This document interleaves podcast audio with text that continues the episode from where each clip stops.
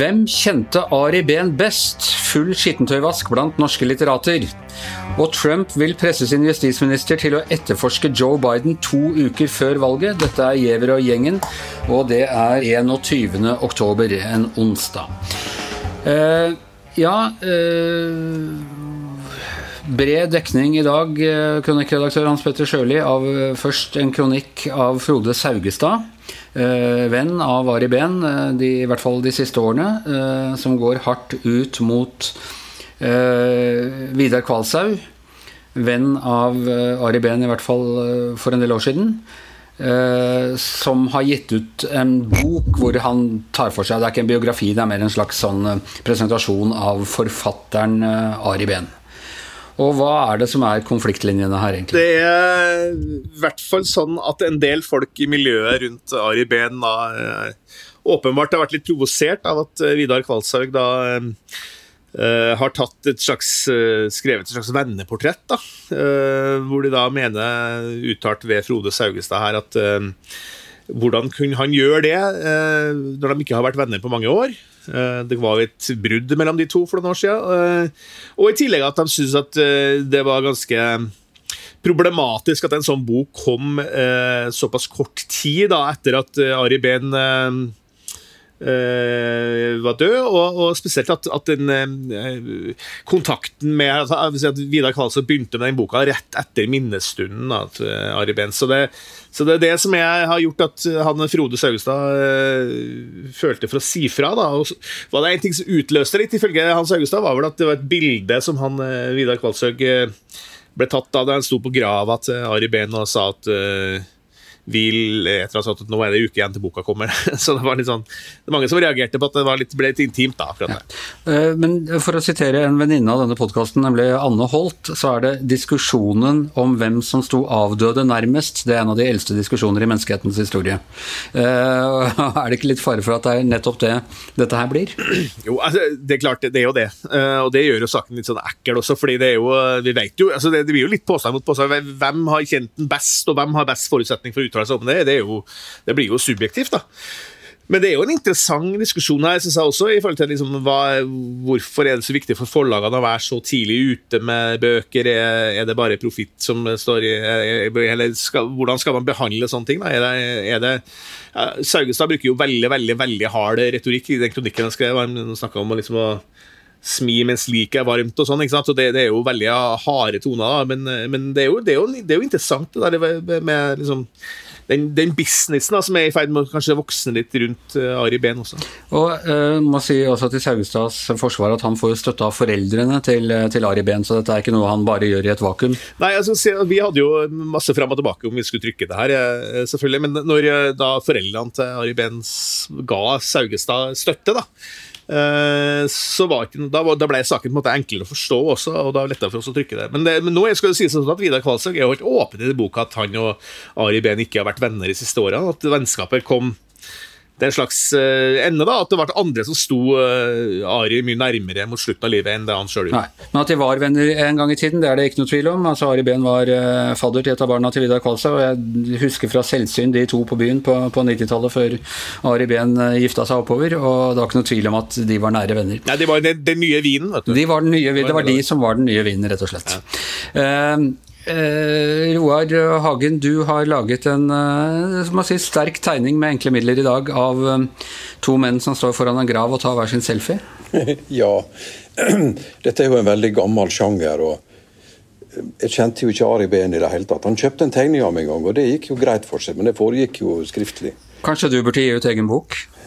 ja.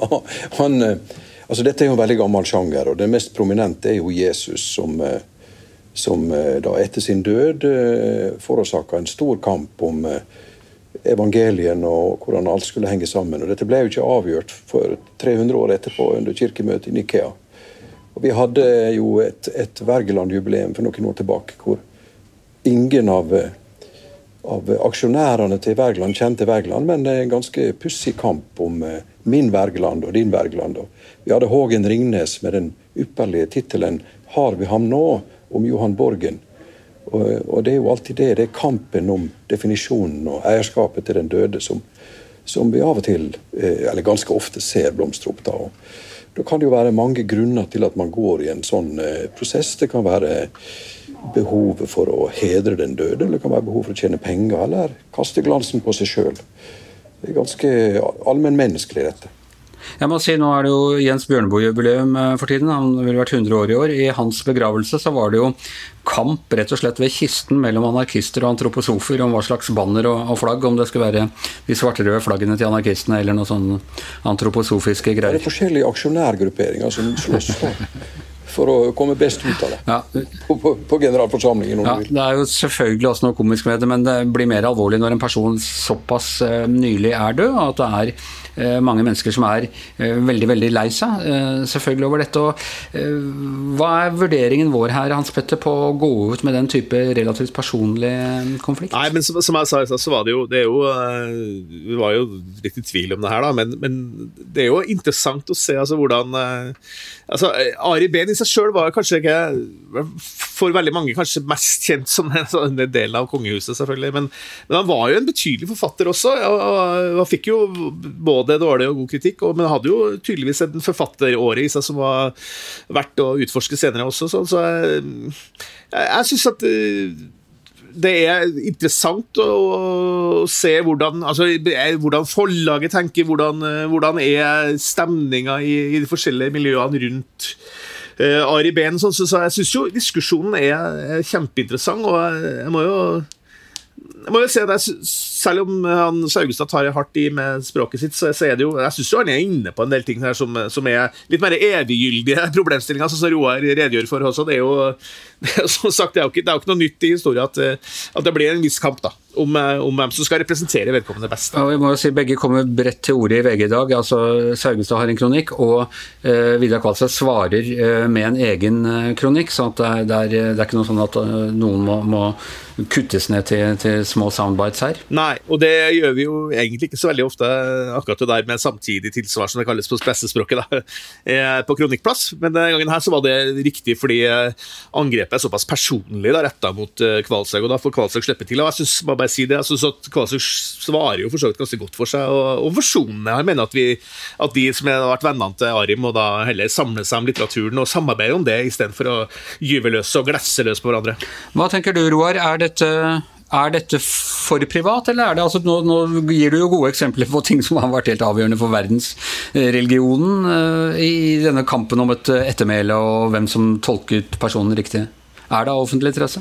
Ja, det, altså du kan jo si for en forfatter De fleste mennesker blir jo glemt.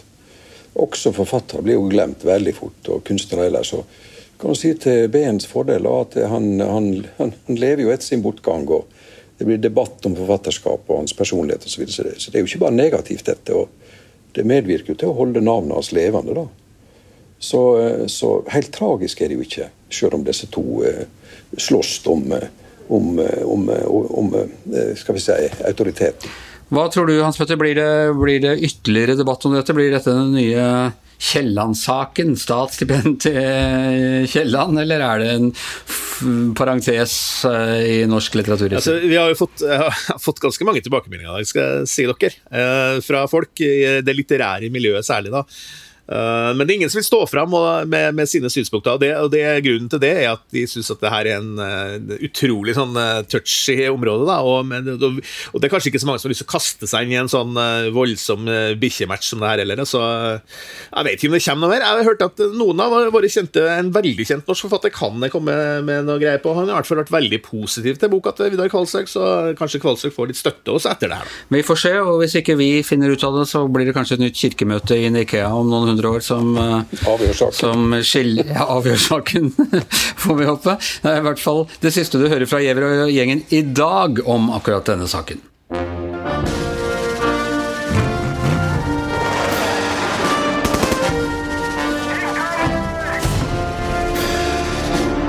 He lied to the American people. Joe Biden is a weak person. Ja, det er jo det å skulle kjøre daglige greier fra amerikanske valgkampen. Det er jo som en sånn sukkertøyboks. Du vet ikke helt hvilket du skal velge, men den jeg valgte å plukke opp i dag, eh, var den at Trump nå presser sin justisminister Barr til å skulle etterforske eh, Joe Biden og sønnen hans snaue to uker før valget. Det er, ikke, det er, ikke, mange demokratiske land hvor den sittende statsleder beordrer etterforskning av opposisjonen to uker før valget, Per Olav Ødegaard? Nei, dette er høyst uvanlig, men uh, akkurat som under den forrige valgkampen, så har vi jo i det siste hørt disse uh, slagordene på valgkampen hans med lock, lock, her up', var det for fire år siden, og nå er det 'lock him up'.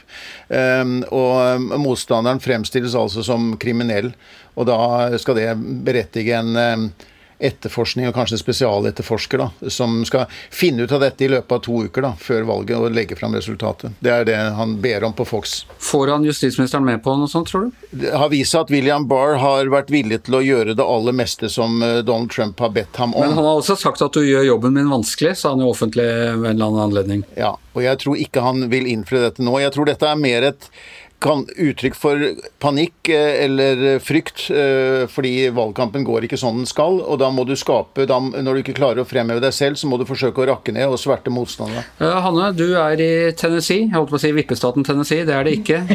det er en ganske rød, rød sørstat, men, men, du er i en blå by? Jeg er i Nashville, countrymusikkens by. Kom inn sent i går kveld, da var det countrykonsert i resepsjonen her. En blond dame som sang Dolly Parton. Da er alle de langhåra, anarkistiske, narkoinfiserte musikerne som skal stemme Biden, da, som gjør at det blir en blå by. jeg har vært der så kort tid akkurat når jeg akkurat våkna, så jeg vet jo ikke Jeg har ikke sett noe av dem, Anders. Nei. Eh, men det er jo ofte sånn at storbyene er annerledes.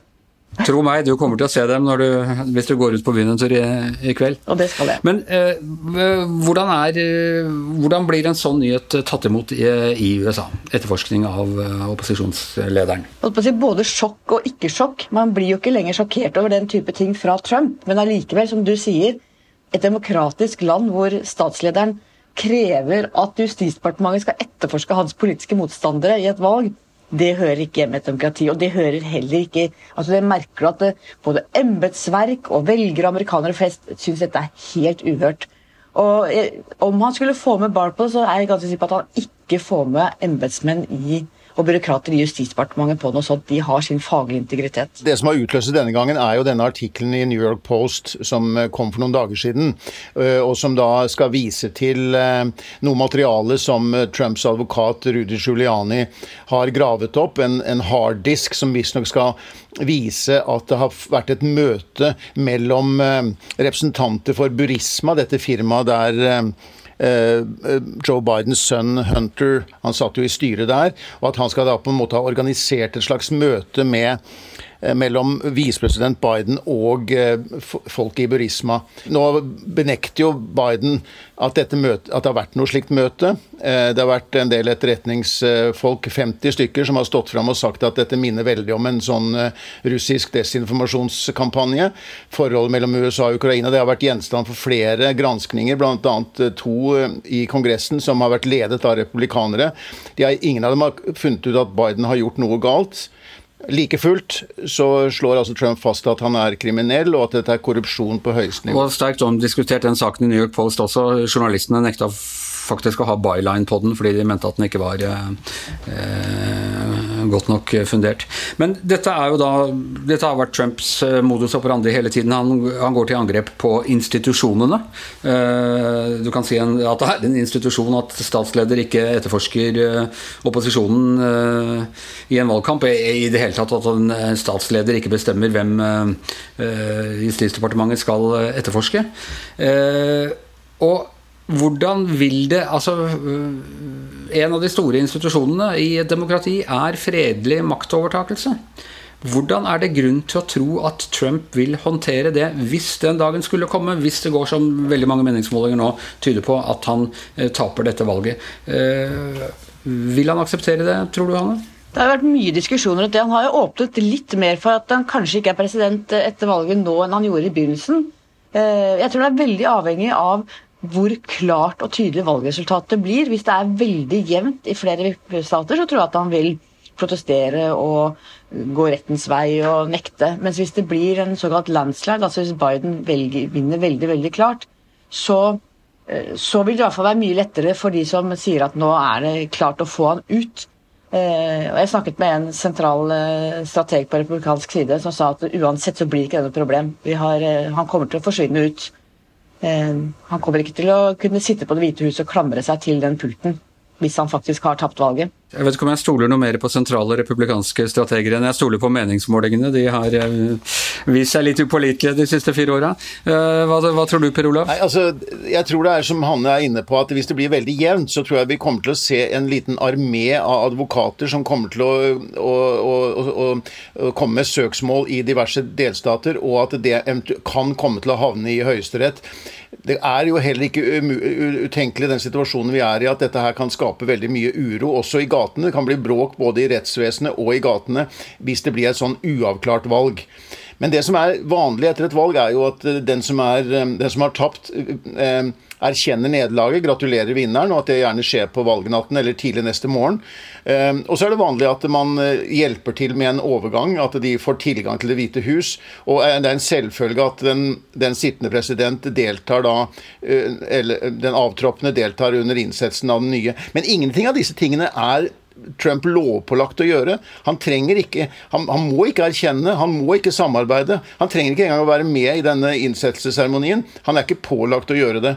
Og jeg, jeg har litt vanskelig for å se for meg at han noen gang kommer til å erkjenne at han har tapt dette valget, hvis det skjer. Han hater jo tapere, og han hater aller mest å tape selv. Nemlig. Så Hanne, kan du se for deg at han sitter der og sturer mens eh, Joe Biden stotrer seg gjennom eh, innsettelsestallen sin, og at han sitter der sammen med Obama og Bush og uh, tidligere presidenter? Nei, det kan jeg faktisk ikke. Jeg kan heller ikke se for meg at han setter seg ned ved pulten i det ovale kontor når nyankommeren kommer inn og skriver et hyggelig brev med lykke til, og vi må samles alle, og, og dette er en hard jobb som du kommer til å forstå. altså Alle disse tingene som tidligere presidenter har gjort med veldig eleganse og varme og omsorg. Ja, Det oppsiktsvekkende er jo i det hele tatt at vi diskuterer dette her. Nå er det jo et vindu, da. Eh, fordi det, det er jo først 20.1 at det skal innsettes en ny president. Og, og, det har jo hendt tidligere at eh, et valgresultat har vært omstridt. Og det, kan, det er et vindu der før man i desember på en måte disse valgmennene, som jo da faktisk avgjør valget, eh, skal da formelt stemme og, og sånn sett eh, liksom sementere valgresultatet. Så i de ukene fram til eh, litt stykke ut i desember så kan det være mye usikkerhet. Det er, men det er uvanlig mye denne gangen. Og Det er heller ikke grunn til å tro at han vil lytte noe særlig til sine medarbeidere eller andre som rådgiver han til ok, nå har du tapt, gjør det med, med stil. Han har jo ikke hørt på rådgiverne sine i noe som helst annet heller, enten det handler om å dra på rallies og, og og for skape en smittefare som uh, ingen ønsker seg, eller andre ting. Han hører jo ikke på noen andre enn seg selv. Jeg så Joe Biden har lagt ut nå at Trump hadde sagt på et av rallyene at uh, hvis Joe Biden vinner, så har dere sett meg for siste gang. Og så har Biden bare lagt ut det klippet og skrevet uh, I'm Joe Biden and I approve this message. så litt humor i valgkampen der, altså. Ok, vi, vi følger med. og natt til fredag så er det ny debatt. Da riktignok med nye regler, og de, sitter, de skal kunne mutes. og Skal de faktisk møtes, eh, Hanne, eller eh, sitter de hvert sitt sted? Etter planen skal de, ja, skal, etter planen skal de møtes, møtes, ja. Så langt jeg vet. Men altså med, i hver sin boks eller noe sånt? Altså at det går an å, å mute dem? det veit jeg ikke. Det er jo også De, kan skru, de kan jo skru av mikrofonen, i hvert fall. Det blir jo også en fantastisk greie å, å å se om de prøver å avbryte hverandre når de er eh, når de er muta. Og vi tre skal se på det. Hanne skal bare sitte oppe vanlig og se på. Per Olav og jeg må stå opp uh, midt på natta, men det er det verdt, er ikke det, Per Olav? Jo da, absolutt. Dette er jo finalen. Det er altså den siste debatten. Det må vi få med oss klart det. Bare legge til, Jeg kommer jo nå rett fra Lake Charles, eh, Louisiana, hvor det var en del også Trump-supportere. Litt mindre hardcore denne gangen, men da var det flere som sa at de mente at eh, Trump nok tapte valget den forrige, ved den forrige debatten, hvor han var så utrolig ubehøvla og bøllete. Ja, Hvis Trump Trump taper valget, så, så vil det være mange øyeblikk ja. som vil være mistenkte for å være øyeblikket hvor det skjedde, men det vel, vil vel i så fall alt i alt være summen av det hele. Ok, men det er Giæver og gjengen over eh, for i dag. Eh, takk til Hans Petter Sjøli, takk til Roar Hagen, takk til Per Olav Ødegaard, takk til Hanne Skartveit. Jeg heter Anders Giæver, og mannen vi alle slåss om å være aller best eh, venner med, er vår produsent Magne Antonsen. Vi høres igjen i morgen.